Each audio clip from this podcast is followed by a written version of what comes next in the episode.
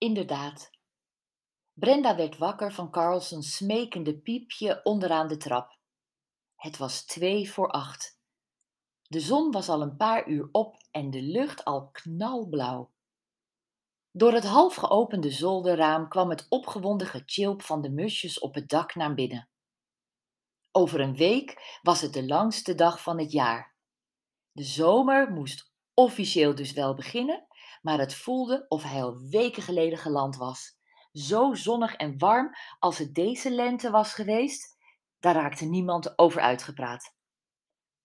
Brenda gooide het dekbed van zich af en zwaaide haar benen naar een kant van haar bed. Ondanks haar magere zes en half uurtjes slaap voelde ze zich energiek. De komende twee dagen zag ze haar liefste vriendin en dat maakte haar zo blij. Keurend keek ze in de spiegel naar haar eigen blootje. Er zou zeker gezwommen worden, maar voelde ze zich nog wel in bikini-shape? Brenda fronste toen ze zich een kwartslag draaide en over haar linkerschouder keek. Een diepe huidplooi liep vanaf haar ribben naar haar heupen. Sinds wanneer zat die daar? Het leek verdikken me wel of ze met de dag dikker werd. Niet best voor een lifestyle coach. Ze zoog haar buik in en trok haar ruggengraat langer. Kijk, dat maakte al verschil. De plooi verdween. Toch een kwestie van Pilates, elke dag. Zoals ze verdorie in haar boeken en tijdens haar retraites vol verven verkondigde. Ze duwde haar gezicht dicht bij de spiegel, zette haar beide wijs- en middelvingers boven haar wenkbrauwen en trok de huid van haar voorhoofd iets omhoog. Beter, veel beter.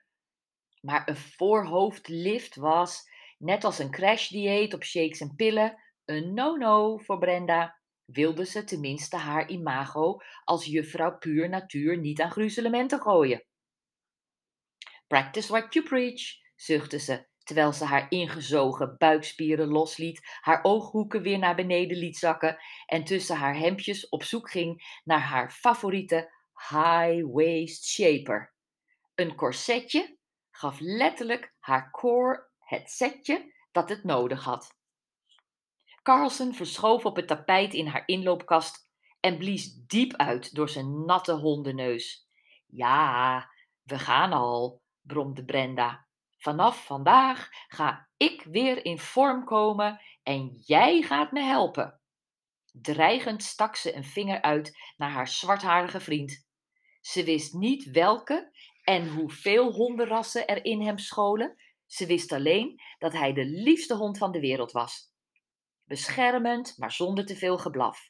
Speels, maar niet te ruw. Stoer, maar niet te dominant. En aanhankelijk, maar niet bedelend. Zoals ik mijn mannen graag heb, dacht Brenda met een glimlach. Ware het niet dat er op dit moment geen man in mijn leven is met ook maar enigszins het karakter van Carlsen? Dit dier, genoemd naar het grappige mannetje uit een boek van Astrid Lindgren, had geen verborgen agenda. Iets wat de meeste mannen, die na Brenda's scheiding van de vader van haar kinderen in haar leven waren verschenen, tot nu toe wel hadden gehad. Ze zette haar telefoon aan, zag geen nieuwe berichten en stopte hem in haar broekzak. Ga je mee? Carlsen tapte opgewonden met zijn staart op het kleed. Als het vrouwtje die toon aansloeg en de sleutelbos klingelde, dan ging er wat gebeuren. Hij sprong overeind en nam een uitgestrekte downward dog yoga pose aan met zijn slanke kont en zijn zwart-witte staart vier omhoog. Met een grote geeuw ging hij zitten en keek verwachtingsvol toe hoe Brenda met moeite haar net iets te korte haren bij elkaar pakte, een beige elastiek om het steile blonde bosje draaide en naast hem op de grond plofte om haar sokken en gimpen aan te doen. Op dat moment klonk haar telefoon. Er konden maar een paar mensen zo vroeg bellen. Haar zoon, haar dochter of Hugh. Brenda was uit bed opgestaan met de laatste gedachte van net voor ze in slaap viel. Misschien was Robin van het sms'je wel degene die zo stilletjes de zaal in Tilburg verlaten had. Het was nog te vroeg om de onbekende persoon te bellen, maar dat zou ze zeker doen, zodra het een normaal tijdstip was. Ze viste het apparaat uit haar broekzak. Jul! Carlsen brieste wanhopig en liet zich op zijn buik zakken, kop op zijn poten. Dit kon weer even gaan duren. Mijn laatste boek? Ja, neem ik mee. Wat zeg je? Ga ik in een tent? Ze sloot haar ogen, maar vermande zich. Dan neem ik een slaapzak mee. Oh, die heb je. Ja. En een fles bubbels. Oké. En mijn bikini.